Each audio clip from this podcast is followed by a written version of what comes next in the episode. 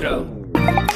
Ja, welkom bij Skip Intro, de podcast waarin we je wekelijks door het grote aanbod op het kleine scherm heen loodsen. Zoals elke week bespreken wij de meest spraakmakende, indrukwekkende, waardeloze series op de streamingdiensten. Wij vertellen je wat je wel of juist niet moet gaan zien. Mijn naam is nog steeds Alex Mazereel en ik zit hier met de vrouw die prima de straat op zou kunnen om een documentaire te maken. Het is Anke Meijer. Hi, ja, leuk. Hallo. Ja, Deze heb ik gewoon geïmproviseerd. Ik had niks. Ik denk, ik verzin maar iets. Dus het, het niveau is een beetje gedaald. ja ik het met niet zo spannend als normaal, ja. Nee, het spijt me zeer. Maar ik, op een documentaire, maar ja, dat zou niet zo heel ver van wat ik normaal doe zijn. Dus. Heb je er wel eens over nagedacht, documentairemaker te worden? Film maken? Eh, Ja. Of nee. inderdaad zelf iets te maken. Nee, nee, niet eh, schrijven altijd. Niet, niet eh, met een camera de straat. Nee, maar niet ook. Ik bedoel ook gewoon script. Oh, Zou je dat niet willen? Ja, Mm. bijvoorbeeld. Ja, ja, ja, dat lijkt me wel heel leuk. Ik denk dat het moeilijker is dan ik denk. Ik denk dat het makkelijker is om kritiek te hebben. Oh, dat, dat sowieso. Ja, dat weet ik wel zeker. Maar eh, ja, ik, ik heb wel iets waarvan ik denk dat het een eh, leuke serie eh, zou zijn. Maar ik zou niet weten hoe ik het moest aanpakken of waar ik moest beginnen. Jij? Nou, ik wilde dus ooit naar de filmacademie in het Ah. ver verleden voor scenario schrijver. Toen ben ik naar de open dag geweest van de filmacademie in Amsterdam. En toen vertelden ze me dat er zes mensen werden aangenomen. En dat er van die zes mensen eigenlijk één iemand gemiddeld een vaste baan met eh, genoeg inkomen krijgt. Dus toen dacht ik, het is beter om journalist te worden. Dan Ja, heb je die zekerheid zit- gelukkig wel. Het grote geld zit daar. Ja. Dus dat, eh, maar dat is wel nog steeds een ambitie die ik najaag. Dus ik sluit niet uit dat ik ooit nog eh, een cursusje hier of daar ga volgen. Oké, ja, ik me ken wel mensen leuk. die scenario schrijven hebben gedaan. Cursus. Ja? cursus. En die werken nu bij eh, Starbucks of zo. Of eh, hebben die, zijn die goed nee, terechtgekomen? maar ik weet niet of ze echt aan series Hmm. of zo schrijven. Dat weet ik ook niet inderdaad. Dat heb ik, dus dat zal dan wel niet. Ik hoop dat het de makers van de series die we vandaag gaan bespreken wel goed af is gegaan. Waarschijnlijk dat zou je wel. zeggen van Ja, wel, maar je, weet het niet altijd natuurlijk. Het kan ook heel snel instorten. Ehm, wat heb je gezien de afgelopen week? Ik, eh, ehm, ik heb een van mijn favoriete boeken van de afgelopen jaren, of eigenlijk gewoon een van mijn favoriete boeken, punt, eh, is eh, verfilmd voor de BBC. Life After Life heet het, van Kate Atkinson. En dat vond ik, vond ik best heel spannend. Want je favoriete boek op het scherm terugzien, dat, ja, dat kan heel fout gaan. Het kan goed gaan, maar het kan ook heel fout gaan. Ehm, en het viel niet tegen. Het- Ik vind het erg mooi. Ik heb er echt nog nooit van gehoord, moet ik in alle eerlijkheid bekennen. Dus wat, waar, waar moet ik aan denken? Eh, het gaat over een, eh, een meisje die in 1910 geboren wordt ehm, op een eh, stormachtige nacht met veel sneeuw. Hoe noem je dat? Tijdens een sneeuwstorm. Ja, dat, dat is een stormachtige nacht met veel sneeuw. Dat kunnen we er best in laten. ja, ik denk dat mensen dat ook snappen. Sneeuw- tijdens een sneeuwstorm, ja. Geboren tijdens een sneeuwstorm. Die in 1910 wordt geboren tijdens een sneeuwstorm. eh, en eigenlijk meteen doodgeboren is omdat ze eh, het koord om haar nek heeft. Eh, omdat de arts er niet op tijd bij kon zijn vanwege dus die sneeuwstorm. Mhm. Ze is dus dood en de, camera spoelt, ja. de camera spoelt terug en eh, de geboorte, eh, ze wordt opnieuw geboren. En dit keer is de dokter er wel bij, want die eh, was al wat eerder gekomen en begint ze dus het leven opnieuw. En dit gebeurt het hele verhaal lang, keer op keer op keer. Ze gaat heel vaak dood. Vaak op best wel dramatische wijze eigenlijk. Maar gelukkig laten ze dat in het boek is dat echt heel dramatisch. Maar als je het leest is het toch anders dan het zien wanneer een kind bijvoorbeeld doodgaat. En Mhm. dat doen ze in het boek of in de serie best wel heel goed. Eh, maar iedere keer leeft zij haar leven dan weer natuurlijk net even iets anders. En heeft ze heel erg ja, intuïtie over eh, dat ze bepaalde dingen wel of niet moet doen. Eh, misschien niet de zee ingaan, bij wijze van spreken, als die wild is. En eh, dat, soort, dat soort dingen. En ehm, ze leeft haar leven tijdens de Eerste Wereldoorlog. En tijdens de Tweede Wereldoorlog speelt het voornamelijk. En dat zijn ja, veel mogelijkheden om dood te gaan, kan ik je vertellen in die tijd. Oké. Ja. Eh, het klinkt wel interessant. En het is... Ja, ik zie je een beetje kijken, want ik weet niet of ik dit leuk vind. Nee, dat weet ik nog niet. Maar ik ben aan de ene kant getriggerd. Maar ik moet me er even een voorstelling bij maken, denk ik. Dus daarvoor moet ik het gaan zien. Het is in ieder geval het is heel mooi gemaakt. Mhm. Ehm, het is eh, met, met allemaal natuurlijk, het is Brits. Het zijn eh, allemaal topacteurs. Zoals we wel gewend zijn. Zitten niet de onwijs grote namen in. Ja, de, de zus van Fleabag zit erin. Eh, maar het, het, het zijn wel allemaal hoofden waarvan je denkt, ah, die heb ik wel eerder gezien. En Ik vind het eh, wel leuk hoe die hele familie uit Fleabag een soort van de zus van Fleabag, uitgewisseld van wordt. Fleabag, Inderdaad, ja. House of the Dragon heeft de vader van Fleabag, die dan in een paar scènes mag zitten. We eigenlijk alleen Fle Fleabag zelf bij Ja. naam noemen, maar ja. ja. Maar eh, nee, het is, het is een, een hele mooie serie. Heeft maar vier eh, afleveringen. Wordt op eh, BBC First uitgezonden. Dus gewoon op tv. Je kunt hem niet Oei, streamen oei, oei, ergens. dat is een Ja. klap voor onze luisteraars. Vanaf zondag. En de hoofdrol wordt gespeeld door Thomasin McKenzie. Die, dat is wel Ja, echt een hele leuke jonge actrice. Een goede jonge actrice. Zat in Jojo Rabbit, Klopt. Last Night in Soho, Leave No Trace. Oké, ja, zie je wel grote namen. Nou ja, maar ook weer niet, geen, zit geen eh, Kate Winslet of zo in. Nee, het is niet dat mensen nu inderdaad zeggen wow, die zit erin. Ja. Maar wel, eh, ik, eh, nou, hierdoor ben ik wel nieuwsgierig. Want ik Ja, vind is wel heel goed. Nou ja, en het is gewoon, het is heel mooi. Het is een mooi tijdsbeeld. En het is ja, een mooie overdenking van hoe, hoe je leven misschien, hoe je je leven. We, we hebben allemaal wel eens dat je denkt, oh, ik had dit eigenlijk wel anders willen doen. Ehm, nou ja, dat doet zij constant. Alleen dan, ze weet het niet hoor. Dus het is geen Russian doll dat ze echt heel bewust haar leven of de levens gaat sturen of de geschiedenis gaat sturen. Maar het is, het is allemaal meer ja, onbewust, intuïtie. Het wordt ook nooit echt uitgelegd wat het dan is. Het is gewoon wat het is. Het is gewoon een verhaal. Het is een manier om een verhaal te vertellen over een jonge vrouw die opgroeit en die ja, nogal roerige, gevaarlijke tijden. Ik kan me zo voorstellen dat het over 100 jaar ook eh, een serie over deze tijd eh, gemaakt wordt. Zoiets. Mooi. Ja, het is, het is Ja. een mooie serie, maar je moet er wel van houden.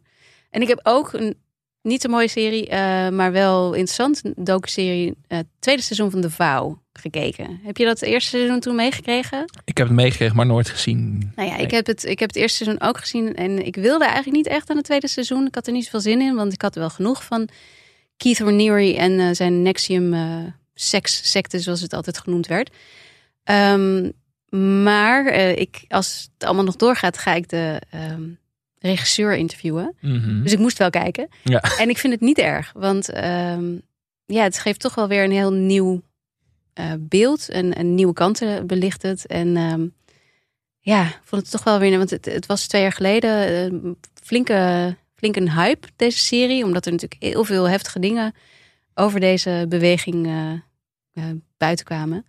En ehm, ja, ik, vond dit, ik denk dat dit ook wel weer wat los gaat maken. Denk ik. Oké, Ja. ook daar ben ik benieuwd naar. Ik weet niet, ja, dit is, eh, past iets minder goed in mijn straatje dan Live After Live, denk ik. Ja, ik hou wel van de docu. Als het dan, dit is ook wel een beetje true crime natuurlijk, maar dan heb ik liever een docu-serie dan een echte. Oké. Ik heb weer eens iets Nederlands gezien deze Hey, week. kijk, ik Er ben is- zo blij dat jij dan wat Nederlands kijkt. Ja, dat, ik, ik offer me op. Dat is het. Nee, ik vind het hartstikke leuk. Eh, ik heb gekeken naar de serie, of de eerste twee afleveringen van Het Gouden Uur. Een nieuwe thriller-serie. Te zien bij de publieke omroep. Mhm. En die is vanaf zondag te bingen. Dus je moet nog even geduld hebben. Eh, het gaat dus over. Het Gouden Uur is eigenlijk een soort term. Dat is een echt bestaande term die in een protocol staat. Dat gaat gelden op het moment van een nationale calamiteit. Dus bijvoorbeeld een terroristische aanslag. Oh ja, ik vind het nu wel spannend. Het is ook best wel spannend en best wel gruwelijk ook. Maar het Gouden Uur slaat dus op het uur daar direct daarna. En dan is de paniek het grootst. En dan moeten de hulpdiensten dus ja, dat protocol heel nauwgezet volgen. Omdat eh, de kans op een tweede aanslag in dat uur het allergrootst is. Dus dat is best wel een wereld waar ik ook helemaal niks van wist. Hebben natuurlijk niet Wil ik dit wel weten? Ja, nou ja, het, is, eh, het is wel echt een thrillerserie, dus fictief allemaal. Het is geen reconstructie, want we hebben niet echt gelukkig een Gelukkig, ja. enorme grote terroristische aanslag gehad. Er zijn natuurlijk wel dingen gebeurd. Maar het is natuurlijk niet, niet van die omvang als we in Frankrijk bijvoorbeeld hebben gezien. Wat sowieso al verrassend was, was dat de serie begint met een disclaimer dat het schokkende beelden bevat. Dat zie je, dat zie je niet heel erg vaak. Mm, jawel. Maar echt zo... Heel veel series, maar dit zijn Ja. niet Nederlandse series, maar heel veel series Nee, ik bedoel, met... bedoel eh, echt vooral op Nederlandse Oh, series. sorry. Dat, Zo'n disclaimer gaat er niet heel wel Dat van feit nee. en fictie lopen nee, door elkaar. nee, dat zoals, zit er wel eh, in, maar... bij die Linda de Mol serie best helemaal Nou, wel, is eh, zeker bij Five Live had ze echt die waarschuwing moeten geven. Ja. Nee, vooral bij Nederlandse series zie ik het niet heel vaak Mhm. gebeuren. En de eerste aflevering is best wel rustig. Er gebeurt niet heel erg veel. Het is gewoon echt de personages worden neergezet. Hoofdrol wordt gespeeld door Nazanin Jar. mhm. Ja, kennen we van Mokro Mafia en van heel veel uiteenlopende series Rabat, waar die natuurlijk Gouden Kalf voor heeft gewonnen.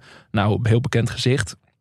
En hij speelt een regisseur van Afghaanse afkomst, die eh, onder het vergrootglas van de AIVD ligt. Mm. En daar een beetje door onderzocht wordt. Want hij heeft ja, de, eh, de vraag van waar ligt zijn loyaliteit precies en wat, wat is er precies Dit in zijn jeugd gebeurd. fout gaan. Ja, maar dat is ook eh, meteen Aangepakt of? vooralsnog ben ik een beetje eh, in het midden daarover. Want ik heb de rest van de serie nog niet gezien. En ik heb uh, Nasdin daar zelf geïnterviewd voor de VPRO-gids. Net als regisseur van de serie. En daar zei ze wel van je moet de hele serie gezien hebben voordat je daar echt iets over kunt zeggen. Dus dat was werd een heel ingewikkeld maar er is gesprek wel, eigenlijk. nee, maar als zij er wel over nagedacht ja, hebben, er, dan er is goed over nagedacht. Want ja. ik dacht ook van oeh, dit kan heel erg Ja. misgaan. Maar het is dus heel erg vooral van de, de- gericht op die IVD-agent die die vooroordelen heeft. En dan is het de vraag van waar ga je als kijker in mee? En dat zijn als in, in dat interview zelf ook van waar ligt jouw loyaliteit als kijker dan? En welke aannames doe jij als je naar die serie kijkt? Want ook inderdaad wat ik nu uitleg aan jou, wat jij daarop reageert, dat zou ook alweer een voordeel kunnen zijn. Dus dan zit je in een Mhm. soort van Ja, maar dan een voordeel over hoe Nederlandse televisiemakers het wellicht kunnen Precies, aanpakken. precies. Dus dat, ja, daarvoor moet, moet ik ook de hele serie gaan zien eerst. Dus daar kom ik op terug. Eh, maar wel gewoon heel interessant dat ik dacht van het gaat over een aanslag. Het begint meteen met die aanslag, maar dat is dus niet het geval. Het is echt pas in aflevering 2 vindt die aanslag plaats.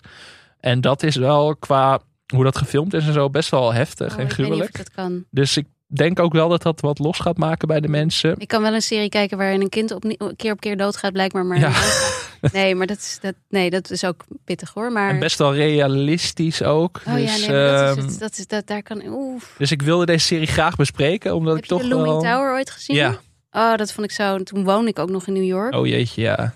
En dat is, oh man, ik. Looming Tower is een serie over 9-11. eh, Ja, over de, aanloop eigenlijk en hoe ze, Ja. hoe ze dat gemist hebben. En dat, eh, oh, dat vond, ik vond het heel, ik vond het een hele goede serie, maar wel ook echt ontzettend heftig. En ik weet nog dat de maker van die serie, ik ben zijn naam even volledig kwijt, maar die woonde bij mij in de buurt en die zag Mm. ik dan iedere ochtend zijn hond uitlaten. En dan wilde ik iedere keer zeggen: Oh man, wat doe je me aan? Ja. Maar dat heb ik toen toch maar niet gedaan. Nee, dat is beetje gek uit niets natuurlijk. Maar eh, ik, ik, ik, ja, ik kan ja, er slecht dat, tegen. ik denk dat, meer mensen dat hebben. Ondanks dat dit dus wel volledig fictief is. Het is het niet ge- gebaseerd op een bestaande aanslag of zo. Dat, Ja. Maar het is wel gruwelijk natuurlijk. Ja, Dus eh, daarom vond ik het wel een interessante titel om even te noemen in ieder geval. Dat mensen ook zelf die afweging kunnen maken om te gaan kijken. Maar het is dus wel een serie die, eh, die wat los kan gaan maken bij de ik mensen. ben En heel benieuwd. eh, Vanaf, ja. vanaf zondag. Het is vanaf zondag eh, te bingen op NPO Plus. En dan ook lineair op tv. De eerste twee afleveringen zijn dan samen als één aflevering te zien dan. Dus ik ben benieuwd wat dit gaat losmaken. Ook bij de luisteraars en bij de kijkers. Dus ik wilde het toch even bespreken. Maar ik was wel... Ik ben wel getriggerd om verder te kijken, laat ik het zo zeggen. Oké, ik weet nou, nog niet, het eindoordeel is er nog niet. misschien dus wacht ik jouw eindoordeel even af en dan ga ik kijken. Of niet. Skip intro. Ik kreeg ook nog wat berichtjes eh, binnen op de socials deze week. Eh, we vroegen even aan de mensen van wat moeten we absoluut bespreken. Er zitten een paar dingen tussen die wij nog niet gezien hebben. Maar dat is voor ons ook een goede manier om ons wakker te houden. Om Mhm. te zeggen van dit moeten we de komende weken gaan kijken.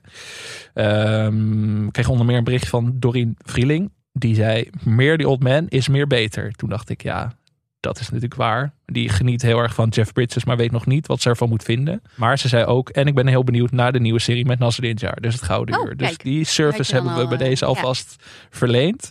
Biewe Geertsma is heel benieuwd naar de Midnight Club, want dat is de nieuwe serie van de maker van The Hunting of Hill House en Midnight Mass. Ja, En dat zijn twee series waar ik heel erg fan van was. Ja. Maar deze serie draait dan is iets meer tienerhorror. Het draait om een groep kinderen die in een soort sterfhuis uh, horrorverhalen aan elkaar vertelt. oké. Ja, Was ik, nog niet echt door gemist. getriggerd. Het is ook weer zo stil op Netflix verschenen. Zo van, oh, het is er ineens. Dus ik ga dit wel kijken, maar ik ben een beetje... Ik, ik heb veel vertrouwen in de maker, maar dit onderwerp klonk een beetje als niet helemaal mijn ding. En dat zegt eh Biwa ook, want die is ook een teen horror meider. En dat heb ik zelf ook een beetje. Maar ik ga het gewoon een eerlijke kans geven. Heel goed. Danielle Cleavon eh tipte onder meer Chainsaw Man. Het is eh, gebaseerd op een Japanse manga. Ah, Dus dat eh, zit ook een Nou. beetje buiten mijn bubbel, normaal ja. gesproken.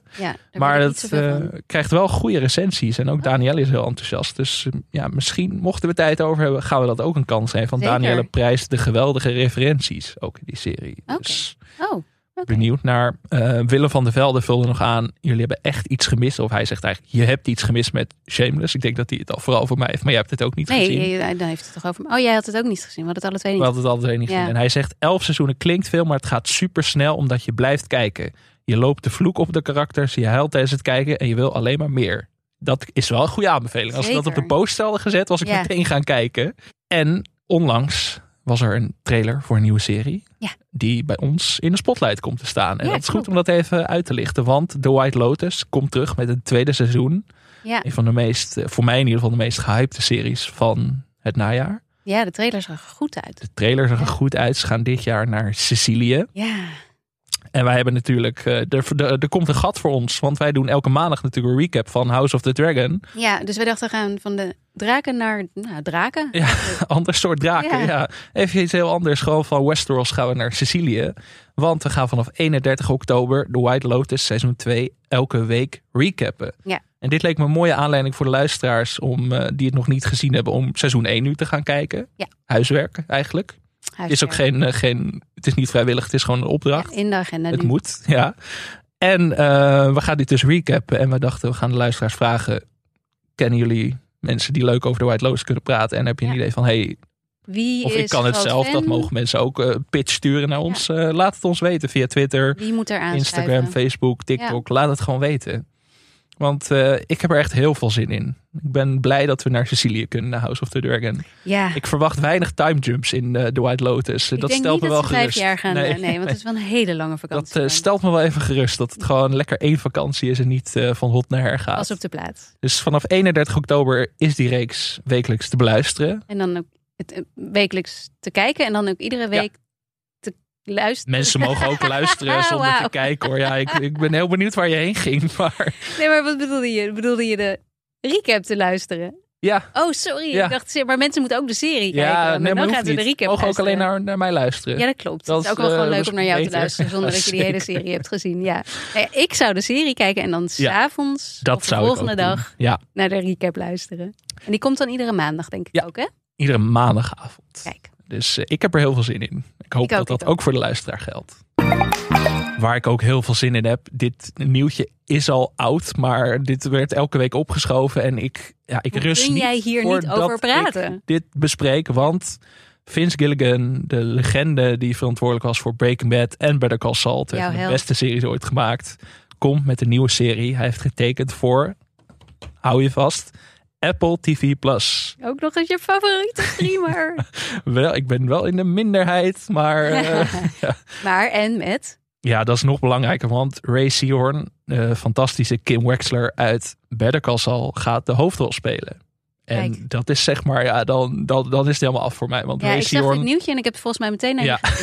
Ray Seahorn was best wel een onbekende actrice voordat ze in Better Call Saul zat. Maar groeide daarna uit tot de lieveling van het internet Er zijn nog eigenlijk. steeds zoveel mensen boos dat ze die Emmy niet heeft gewonnen. Waaronder ik. Ja, Ja, precies. dat nog steeds woedend. Ik Ja. neem die hele Emmys ook niet meer serieus door, door dit eigenlijk alleen. Alleen maar daardoor. Niet door al die andere dingen die ze fout hadden. Maar Ja, maar dit wel de voornaamste, want ze kreeg was een nominatie voor het vijfde seizoen. En dat, maar goed, eh, dat hebben we vaak genoeg besproken. Maar, Maar, waar nu gaat het over? Weet je dat al? Heb je er al iets over idee. gehoord? Nee, dat is Nee, dus toch? het is heel mysterieus. Er is wel een oorlog gevoerd tussen meerdere streamingdiensten om Vince Gilligan Ja, binnen te ik, hengelen. dat snap ik. Ja, dat snap ik ook, want je, hebt wel twee klassiekers op je naam staan. Dan zou ik ook zeggen van carte blanche voor jou, Vince. Ja, misschien was hij wel meer geliefd dan de Lord of the Rings series. Denk je? nee. nee, dat zou ook zomaar kunnen. Maar er is weinig over bekend. Het zou een beetje sci-fi-achtig worden, volgens mij. Weet Ehm, je dat wat? Ik bedoel, in dit geval? Nou, het is een blended genre drama. Dus dat kan heel veel kanten op. Oeh. Dus ik heb geen idee wat het wel gaat zijn. alsof hij zichzelf uitdaagt. Maar, dat, maar dat was Better Call Saul ook al. Ja. Better Call Saul had... Dat had eigenlijk gewoon moeten mislukken als je alle, alles op een rijtje Maar zet voordat het begon. in? Nee, nee, nee. Maar meer van dat hij zichzelf uitdaagde. Want je, Oh, je neemt een van de populairste, meest gewaardeerde series van de eeuw. Ja. En gaat daar een spin-off van Ja. maken over een komisch Personage. bijpersonage. En dat groeit vervolgens uit tot een serie die Misschien wel volgens beter. sommigen beter is. Ja. Dus ik ga Vince Gilligan nooit meer wantrouwen. Want ik zou voor Call Saul ook... Jij volgt hem blind niet. waar hij gaat. Ik volg hem inmiddels blind. Als hij ook dan Ray Seahorn nog meeneemt... dan ben ik helemaal zo van... Ik ben geen objectieve recensent meer. Geef het me maar gewoon. Nee, natuurlijk maakt het wel zenuwachtig. Maar ik heb in Vince Gilligan inmiddels al zoveel vertrouwen... dat ik denk dat dit wel goed gaat worden. Maar het is wel grappig. Want inderdaad, acht of negen streamingplatformen hebben gevochten om deze rechten. En het budget zou rond de 15 miljoen dollar per aflevering gaan liggen. Wat? Dus dat Oh, dat is best veel. dat is bijna richting House of the Hmm. Dragon-achtige proporties. En er zijn meteen twee seizoenen ik besteld. denk dat er ook draken in voor gaan komen. twee seizoenen besteld. Is ook meteen wel en wanneer? eh, wanneer weet heftig. je wel wanneer? We verwachten 2023 of 2024. Oké. maar Vince wat Gilligan wil niks prijsgeven over wat het gaat zijn. Spannend. Dus eh, ja, ik ben hier zo eh, hyped voor. Ik, ik hoop dat we er nog zijn als deze serie. Ik Want hoop het dan ook, eh, ja. de Ik heb nu al zin om dagelijkse recap, bespreken. denk ik. Ja. Dan gaan we naar iets waar ik ook heel veel zin in heb om het te bespreken. Want we gaan het hebben over How to with John Wilson. Hey, New York. HBO is having a hard time uh, explaining what my show is, uh, so I, I just figured that I'd just try to do it myself.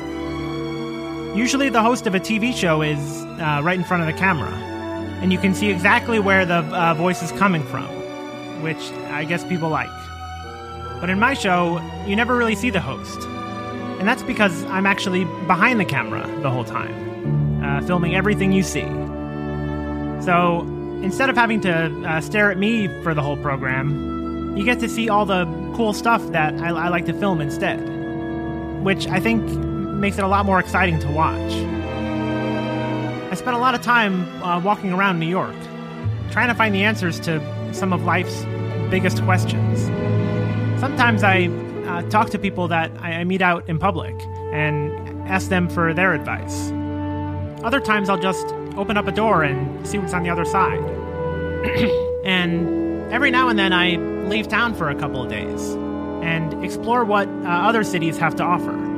But at the end of the day, I always uh, come right back. It's kind of like that show Planet Earth, uh, but if it was only in New York and uh, David Attenborough was forced to film everything himself. So stick with me, and I'll show you how to solve problems uh, that you didn't even know you had. Because even if it looks like you've got it all figured out, there's always a million ways to get it wrong. Ja, Anke, zeg het maar. How to with John Wilson. Waar beginnen we in godsnaam? Ja, nou ja, laten we eerst zeggen dat dit niet een nieuwe serie is, maar dat we eh, deze week even een soort van gat in de nieuwe series releases hadden. Ja, en als we dan toch transparantie naar luisteraar. Ik ben op dit moment eigenlijk op vakantie. Dus we moesten dit eh, iets Ook eerder al. opnemen dan ook normaal. Ja, Dus mocht er nu een hele nieuwe gehypte serie zijn waarvan je denkt... waarom hebben Anke en Alex het er niet over? Dan komt het daardoor. ja ik, ik zet mijn geld in op eh, The Watcher op Netflix, wat eventueel eh, zomaar weer de volgende True Crime serie gaat een nieuwe zijn. serie van Ryan. Murphy. Ja. Precies, de volgende Ryan Murphy. eh, true crime. Maar ja, nee, ik, eh, ehm, het was dus inderdaad zo dat we dachten, wat gaan we dan deze week bespreken? Hebben we er lang over vergaderd. niet, een hele logische keuze. Maar toen zeiden we tegen elkaar, wat is nou die ene serie die toen eh, HBO Max uitkwam en iedereen het over al die series die daarop stonden, ehm, die toen besproken werden en die eigenlijk niet genoeg besproken is. Die, die niet de, aandacht heeft gekregen die het verdient. En toen kwamen we uit op deze, ja, docu-serie. Ik weet niet hoe je het moet noemen. Kunstwerken. ehm Ja, kunstwerken, dan haken mensen meteen af. Geniale, fantastische televisie. komische documentaire. Het meest briljante wat je Het is een van de... zien. We hebben het natuurlijk in aflevering 2 was het volgens mij over de rehearsal Ja, gehad. ja. En dit is een soort van... Zit een beetje in datzelfde Ja. straatje, maar dan liever en toegankelijker Ja, nee, de, de. New York Times noemde het de vreemdste show op tv. ja. Maar dat was wel voor de rehearsal Ja. uitkwam. En ze noemen de maker John Wilson een genie. En daar ben ik het alle twee wel mee eens. Ik ook. Want ja, wat, wat, wat, wat doet John Wilson? Eh, hij documenteert sowieso alles wat hij ziet en doet de hele dag door met zijn camera. Eh, hij woont in, eh, in Queens, in eh, New York. En loopt rond. En in plaats van wat je normaal doet als je in New York bent. En zelfs als je er een tijdje woont, dan heb je toch meer het gevoel dat je wat omhoog kijkt. Zeker in Manhattan. Omdat Jij hebt in New York gewoond natuurlijk. Dus Dus ik, ik kan zeggen dat je toch. Ik bedoel, je kijkt natuurlijk ook wel naar de stoep, maar je kijkt ook wel gewoon een beetje omhoog en naar wat er, wat er om je heen gebeurt. En wat hij eigenlijk doet, is een camera richten op de details in de stad en de dingen waar je van wegkijkt. Zoals ehm, ja, een, een, ik weet niet, een plakkaat kots ergens in de hoek, bij wijze van spreken, maar ook de façades, dus de, de, de, eh, de winkelborden eh, die overal hangen, waar je dan normaal even heel snel naar zou kijken, maar hij kijkt er goed naar en, en ziet allemaal grappige dingen overal. Hij ziet grappige interacties tussen mensen. Hij ziet eh, mooie details eh, van iets wat eh, kapot is, bij wijze van spreken. Mm. Hij laat New York op een manier zien die, ehm, ja, die je nooit eigenlijk in series ziet. Omdat je altijd het mooie, die grote gebouwen, die hoge dingen ziet. En hij kijkt, ja, ground level, zeg maar. En, en hij vindt gewoon hele ongewone dingen in het alledaags of zo. Ik denk dat je het zo een Ja. beetje... Of soms gewoon hele gewone dingen in het Hele alledaagse. gewone dingen, maar eh, hij laat zien hoe bijzonder ze eigenlijk Ja. allemaal zijn. En dat kan in een stad als New York heel goed, want daar is ook wel. Ik, ik maakte vandaag toevallig het grapje dat ik eigenlijk niet meer zoveel op Instagram zit sinds ik terug ben uit New York, omdat ik daar echt iedere straathoek fotografeerde. En dat had ik toen ik hier in Nederland eh, was. eh, nou ja, toen dacht ik snel, oh, ik heb nu wel iedere straathoek gehad, min of meer. En New York is zo inspirerend en dat laat hij ook wel zien, maar hij doet het dan weer net op een wat ja, rauwere manier. Dus Ja, Ehm, het is allemaal heel echt. Het is heel echt. maar je denkt ook van... Oh, hij gaat, de- deze man gaat gewoon een beetje door New York waggelen. Maar juist in die dingen vindt hij vaak haakjes om hele absurde ja, het kanten is, op want te gaan. inderdaad, ik, ik, ik, we hebben nu niet helemaal verteld wat het is. Het lijkt nu net alsof hij alleen maar beelden van New York eh, laat zien. Maar hij filmt de hele tijd van alles. Maar hij gebruikt al die beelden om een ander verhaal te vertellen. Dus hij, iedere aflevering, eh, daar behandelt hij een, een eigenlijk alledaags vraagstuk. Van ehm, hoe maak ik de beste risotto tot ehm, hoe eh, koop ik een huis en... ehm, hoe, hoe eh, doe ik plastic over mijn meubels? Heeft hij bijvoorbeeld ook. Of hoe, hoe leer je wijn drinken? Hele alledaagse vragen. Alleen hij beantwoordt ze dus. Hij, hij gaat op een soort van zoektocht. En hij illustreert die zoektocht met dus al die beelden die hij in New York schiet. En hij heeft voor alles wat hij zegt, heeft hij een passend beeld. Wat weer echt heel knap is ook. Mhm. En, zijn, en die, die zoektocht, die redelijk persoonlijk is, vind ik altijd. Ja. eh, eindigt op een of andere manier. Die, die- je denkt dat hij links gaat. En dan opeens dan komt hij iemand tegen. En die vertelt dan weer een, een verhaal aan hem. Wat zo absurd is. En dan volgt hij dat draadje weer. En dan komt hij uit op een punt dat je denkt. Hoe, hè? Ja, neem bijvoorbeeld de eerste aflevering. Die heet eh, How to Make Small Talk. Ja, En dus hoe, hoe dus over ja, koetjes en kalfjes praten. En hij gaat op een gegeven moment zelf op een reis en belandt dan in een soort ja. MTV-evenement. Ja, bij eh, MTV Spring Break. Ja. Verschrikkelijk natuurlijk, want al die types, eh, een beetje de O.O. Gerso-types die daar Ja. vooral rondlopen. En dan heb je echt zoiets van, eh, hoe, hoe gaat hij zich daar staan houden? Je ziet hem niet echt, maar hij blijft achter de camera en hij filmt dat dan ook. En langzaam gaat hij dan met zo iemand in gesprek en daar bouwt hij een soort vriendschap mee op. Maar Ja. die heeft dan een heel emotioneel verhaal over... eh, die blijkt uiteindelijk daar te zijn omdat hij rouwt om een vriend die Ja. heeft gepleegd. En dat is dan heel indrukwekkend ineens. En dan, maar je, je bent echt van, van heel grappig ineens heel snel naar heel emotioneel. En hoe die dat allemaal zo snel in elkaar laat overlopen. Heel zonder knap. dat je met je ogen Ja. knippert bijna. Dat is echt waanzinnig goed. Ja, hij laat zich echt leiden door alles wat hij tegenkomt. En de mensen die die, die, die spreekt en die die ontmoet. Eh, Ik vond een van de, van de ja, meest grappige afleveringen, of absurde afleveringen bijna, is eh, wanneer die ehm, eh, eh, de vraag wil beantwoorden: hoe kun je je geheugen. Ja. Ik heb deze les echt nodig. Ja. Hoe kun je je geheugen eh, verbeteren? Dit was echt mijn lievelingsaflevering. Ja. En dan gaat hij, eh, en dan is hij in een supermarkt, want hij heeft geleerd hoe je zo'n geheugenpaleis kunt eh, gebruiken. En dan heeft hij dus zijn, boodschappenlijstje op die manier, door dat, terwijl hij op straat loopt in New York, heeft hij dat geprobeerd in zijn geheugenpaleis te plaatsen. En dan komt hij in de supermarkt en dan komt hij daar iemand tegen die hij aanspreekt om iets te, te vinden, geloof ik. En die man die blijkt heel erg te geloven in het eh, Mandela-effect. Had jij daar ooit van gehoord? Ja, ik ben er ooit. eh, even uitleggen wat het is. Het is het Mandela-effect is ons of is dat eh, genoemd naar ja, het feit eigenlijk dat er heel veel mensen waren die dachten dat Nelson Mandela in de jaren tachtig in de gevangenis was gestorven. En daarachter kwamen toen hij daadwerkelijk stierf, nog niet eens zo heel lang geleden, dat dat dus niet gebeurd was. En zij hadden, zij hadden allemaal die herinnering, collectieve herinnering min of meer van iets wat nooit gebeurd was. En dat blijkt heel vaak voor te komen. En ik heb voor het eerst over het Nelson of het Mandela-effect eh, gelezen toen ik zelf een artikel tegenkwam waarin eh, iemand zei van de, deze scène uit ehm You've Got Mail, weet je wel, die, die Tom Mhm, Hanks Mac Ryan ja. film. Deze scène uit eh, de You've Got Mail film bestaat niet. Kwam ik achter. En toen dacht ik, maar hè, waar hebben ze het over? Deze scène bestaat wel. Is een scène waarin zij voorleest in die, weet je wel, dat hij koopt dan haar kleine boekwinkel voor zijn grote boekwinkel. En ik heb dus in mijn hoofd dat er een scène is dat zij in die grote boekwinkel zit en dat daar een hoekje is gemaakt wat is genoemd naar haar oude boekwinkel en dat zij daar Ja. zit voor te lezen aan kinderen. Ja, ik weet niet of je die serie... Heb je die film gezien? Ja, maar die staat niet goed op mijn netvlies. Nou ja, ik, het is niet dat ik hem zo vaak heb gezien, maar Nee. ik, ik, ik zie nog steeds, ik zie voor me hoe zij Ja. daar zit voor te lezen. Die hele scène bestaat niet. Die heeft ook nooit bestaan. Het is niet dat die eruit geknipt Hé, is. maar wat niet. een raar effect. ja. En ik was dus aan het googlen. Ik kwam dus het verhaal tegen van iemand die zei: die scène bestaat niet.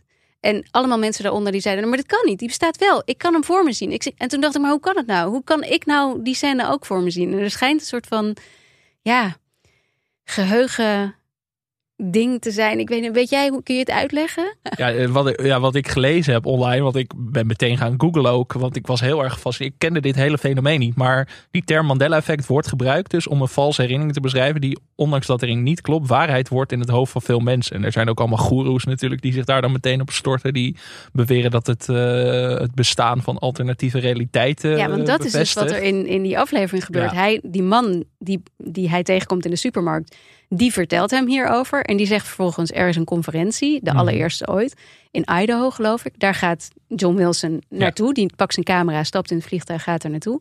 En daar komt hij in een zaaltje met allemaal mensen, eh, een handjevol eigenlijk maar hoor, die daar dus eh, over willen praten. Maar niet alleen maar over, want het- dat dat effect bestaat, dat is duidelijk. Dat, Mhm.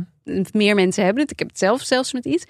Maar eh, deze mensen geloven inderdaad dat het te maken heeft met eh, meerdere tijdlijnen waarop we leven. Dus dat, er een, dat zou dan betekenen dat er een tijdlijn is waarin You've Mail wel die ene scène heeft die ik me kan herinneren. En dat ik, ja, blijkbaar ben ik, eh, heb ik tijdlijnen, ben ik gesprongen van de ene tijdlijn naar de andere. Ja, jij zit hier in een alternatieve realiteit waarschijnlijk. Wauw. Nee, maar allemaal dat soort dingen. Dat, je begint op een punt inderdaad dat hij zegt van hoe we, moet je je geheugen verbeteren. En hij eindigt hier. En dan denk je echt wel, wow, wat gebeurt hier? Ja, je maar, eindigt eigenlijk bij een, ja, toch wel een beetje vreemde groep mensen. ja, maar ook een aflevering over een echt een heel lullig onderwerp. Ogenschijnlijk over stijgers in Ja. New York. Gewoon eh, van die grote stijgers Die, eh, voor die aflevering, wij zaten echt met z'n tweeën, Ja. mijn man en ik, op de bank. Alle twee dus meerdere jaren in New York gewoond. Echt zo van, wat? Wat een verhaal is dit. Ja, Ja, vooral omdat je, dat zijn van die dingen waar je nooit meer bij nadenkt. En hij maakt daar dan een, een hele aflevering ja over. New York staat inderdaad vol met stijgers. Overal zijn stijgers. En dat is dan niet zoals je hier hebt, dat, dat je gewoon zo'n stijger tegen de muur aan hebt staan. Maar eh, het is op zo'n manier gemaakt dat je nog wel de stoep kan gebruiken. En dan met een groot soort van houten dakje, zodat, wat ik altijd dacht, als ze dan aan het werken zijn, zodat er niks naar beneden valt. Nou, het Mhm. is ook zodat er niks naar beneden valt, maar zo heeft John Wilson mij in deze aflevering geleerd. Dat is omdat er ooit iets van een, gewoon een baksteen van een gebouw is gevallen. Daar is een studenten bij omgekomen. En sindsdien moeten alle gebouwen in New York iedere zoveel jaar gecheckt worden. Dus die, die stijgers worden niet neergezet voor de bouw, maar die worden voor de check daar neergezet. En dat, omdat het iedere zes jaar, geloof ik, is, staan er constant overal stijgers. Want het zijn nogal wat gebouwen. Dus je kunt aan de gang blijven in New York, zeg maar. Dus dat, dat was echt voor mij dat ik dacht, ik heb inderdaad, ik, hoeveel stijgers ben ik wel niet tegengekomen? Ben ik gewoon onderdoor gelopen, nog nooit over nagedacht. En hij denkt daarover na.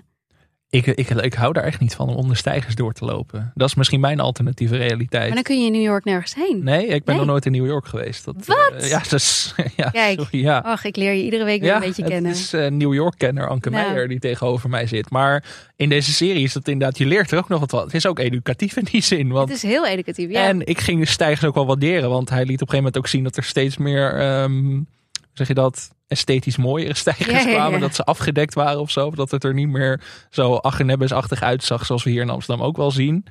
En dat, dat je bijna een soort van gaat houden van de oude stijgers en zo. Dat zijn allemaal van die dingen die dan in die aflevering van hem zitten. Het doet van alles met je, deze, deze serie. Het, is, het gaat, ja, het, wat ik net al zei, het gaat links waar je denkt dat het rechts gaat.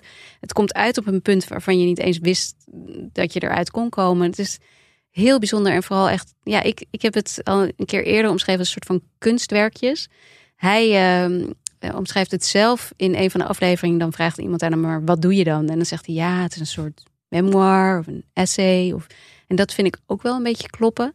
En wat het ook heel bijzonder maakt, is dat hij dus inderdaad altijd achter die camera blijft. Dus je hoort alleen maar zijn stem je ziet af en toe een hand. Eh, waardoor je niet echt een beeld van hem krijgt. Je, je weet niet zo goed wie Maar hij dan toch ook is. weer wel. Want er zitten tussendoor wel dingen in dat hij volgens mij al tientallen jaren alles opzet wat hij op een Ja. dag doet. Ja, nee, maar je krijgt allemaal van dat soort hele kleine eh, dingetjes van hem, van zijn leven. Want je komt ook in zijn appartement en je ziet eh, zijn kat en zijn, zijn, Mhm. zijn landlord, de vrouw, nou, het is een huurbaas. Ja. En Dat New York hè? ja, landlord, ja. hoe noem je dat in Nederlands? Ja, dat heb je hier ook veel minder. En zijn huurbaas woont dan ook in, eh, in het appartement beneden hem. Ze wonen eigenlijk samen, ze kijken samen Jeopardy. Het is een, ook weer een heel mooi klein ja, portret eigenlijk van die vrouw met wie hij dan al een hele tijd samenwoont. Het is in die zin een hele rijke serie. Je kunt er heel veel kanten mee op. Je kunt erop lachen, inderdaad. Het is gewoon aandoenlijk en lief. Het is een mooi beeld van New York ook heel Ja, erg. Heel mooi, ja. de beste beelden van New York Ja, meest denk ik. realistisch. Ja. Ja. Nou, dat, dat weet het- ik dus niet, maar Ja, dat nee, denk ik. nee, nee, geloof mij. Ja, het is wel, het is, het is veel meer wat het echt is. En eh, het is niet inderdaad alleen maar die, die glimmende hoge gebouwen. Die, die zie je daar eigenlijk amper. Eh, en veel meer, ja, street level. Eh, de mensen ook. Er zijn zoveel bizarre mensen natuurlijk. eh, en bizar klinkt fout, maar bijzondere mensen in New York. Die, wat hij ook zelf in interviews zegt. Van, eh, normaal als je met een vreemde praat, dan, en die begint over het Mandela-effect bijvoorbeeld. En deze man begint niet meteen, zegt niet meteen: Ik heb iets heel interessants te vertellen. Die begint gewoon over: Hier, dit, eh, dit pak eh, boter Mhm. eh, heet eigenlijk, de, het heet zo. Het, heet, het is Bona, maar ik had altijd in mijn hoofd dat het Boena was of zo. zo. Zo begint hij zijn verhaal. Super ingewikkeld. Normaal mensen zouden dan denken: Oké, Ja. ja. dag. Maar wat hij dus met zijn camera in ieder geval doet, is zo'n zo'n man eh, door laten praten en, en vragen van wat bedoel je dan precies en waar gaat het over? En dan komt hij opeens bij zo'n Mandela-effect en dan komt hij opeens Ja. zo- op zo'n conferentie. En dat is, Hij is eigenlijk gewoon een weergeloze journalist ook in die zin. ja, Ja. ja. Nee, en maar daarom, met heel veel geduld en nieuwsgierigheid. En want toen iemand mij dit een beetje vaag uitlegde, dacht ik eerst van, oh, dit is zo'n pretentieus, kunstzinnig gedoe. Ik had er niet zo zin in, maar ik ging het kijken en ik was echt binnen tien minuten, dacht ik echt van, dit is echt het meest bijzondere was wat ik dit jaar heb die jou dit eerste uit... Nee, nee, nee, nee, nee, nee, nee, nee, iemand anders. Nee, ik ga niemand voor de bus gooien hier. Nee. Maar dat ik echt, ik, echt misschien wel de meest bijzondere serie die ik dit jaar heb gezien. Ja, en dan hebben we de rehearsal Ja, ook al gezien. Maar dit raakte me ook meer dan de rehearsal uiteindelijk toch wel. Ja, omdat de rehearsal natuurlijk wel eh, echt gescript wordt Ja. door hem. En dit wordt ook van ze schrijven van tevoren zo'n aflevering. Alleen ze herschrijven hem volledig eh, als ze terugkomen met al, al het materiaal wat ze hebben. Ze bedenken van tevoren ongeveer wat ze willen doen. En het loopt zoals het loopt. Dat is ook met Dat deze podcast zo zo, bijzonder. natuurlijk. Ja, Al die ja, ja, improvisatie van jou uiteindelijk. Nee, van mij dan ook weer, op. Ja. Dit is dus, eh, seizoen 2 is dit jaar uitgekomen. Seizoen 3 is onderweg. Dat verwachten we eind van dit jaar of begin volgend jaar. De eerste twee seizoenen zijn te zien op HBO Max. Ja. Waar gaat dit eindigen in jouw eindejaarslijstje, denk je? Gaat dat hoog eindigen? Ja, ook, ja alles staat hoog hè? Alles staat hoog. Dat is een trend die we doorzetten. Ja. Volgende week denk ik niet. Maar Oh ja, nou ja. Ja, dat is inderdaad wel een goede. Ja, nee, die, oh, dit is een eh, lekkere ja, dit- teaser voor zeker. volgende week. Nee, komt die wel of niet? in Onze. Eh, nee, ja, deze, ja, ja, absoluut wel. Ik weet niet precies waar nog. Dat durf ik echt niet te zeggen. Ik vind het zo moeilijk. het is ook moeilijk te vergelijken met andere series. Maar ik vond toch dat we dit echt moesten bespreken. Nee, Want volgens mij hebben veel te weinig mensen dit gezien. Ja, ik denk dat iedereen er moet kijken. Dat is het. Ik, ik, ik weet niet eens hoe, hoe hoog die in mijn lijst komt. Maar ik vind wel dat iedereen er moet kijken. Ja. omdat het gewoon echt heel bijzonder is. Namens Team Skip Intro, kijk dit. Ja, en dan wil ik graag kijk dit. afsluiten. This is John Wilson. Thanks for watching. Zo sluit hij als aflevering af. Ja, en hij begint al met Hey New York. Ja, zo lief. ja.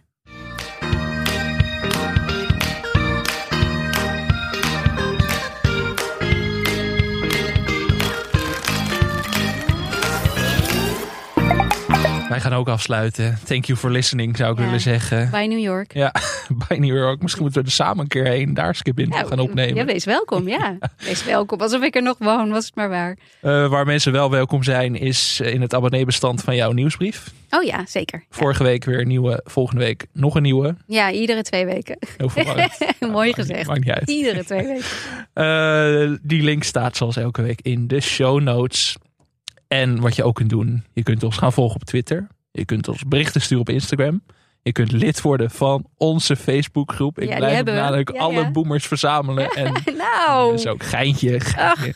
Lekker een beetje Facebook shamen, dat moet kunnen. Mark Zuckerberg kan dat wel aan. ja, maar ik, want ik zit ook in een Facebookgroep. Ja, ik ook. Dus ik ben eigenlijk mezelf ook belachelijk aan het maken nu. Dus dat, dan mag het volgens mij. En als je toch bezig bent, laat gewoon vijf sterren achter. Ja, en leuke recensies. Leuke recensie. Ja, we Alleen leuke leuke. recensies. Nou, we hebben een Ja. paar leuke recensies. We hebben één stomme recensie. Ja, maar Dat hoort ook. erbij. Maar liever niet. Maar het is ook hypocriet als wij niet zouden om kunnen gaan met stomme recensies. Want Omdat dat doen wij we zelf ook ja. ja. Klopt. Toch hoe hypocriet zijn wij Oh, eigenlijk. Ja. Ja. het, is, het is anders om aan de andere kant te Ja. zitten. Hoe dat denken al die makers ook elke week. Van oeh ja, gaan ze Oh, weer. daar heb je de hun- weer. Met hun mes er doorheen. Waar we volgende week misschien wel met ons mes doorheen gaan. We gaan de balans opmaken. Ehm, de grote strijd tussen de grote series van dit ja, najaar. Lottertrop en D. Die zitten er volgende week op. Ja. Dus dan is het tijd om te bepalen wie heeft er gewonnen. Ja, de draak Gaan we, gaan, we, gaan we een beker ook uitreiken dan? Medailles? Mm, nee. Ja? Nou, jij mag erover nadenken op vakantie. Ik zal er eentje behalen bij de Action, denk ik.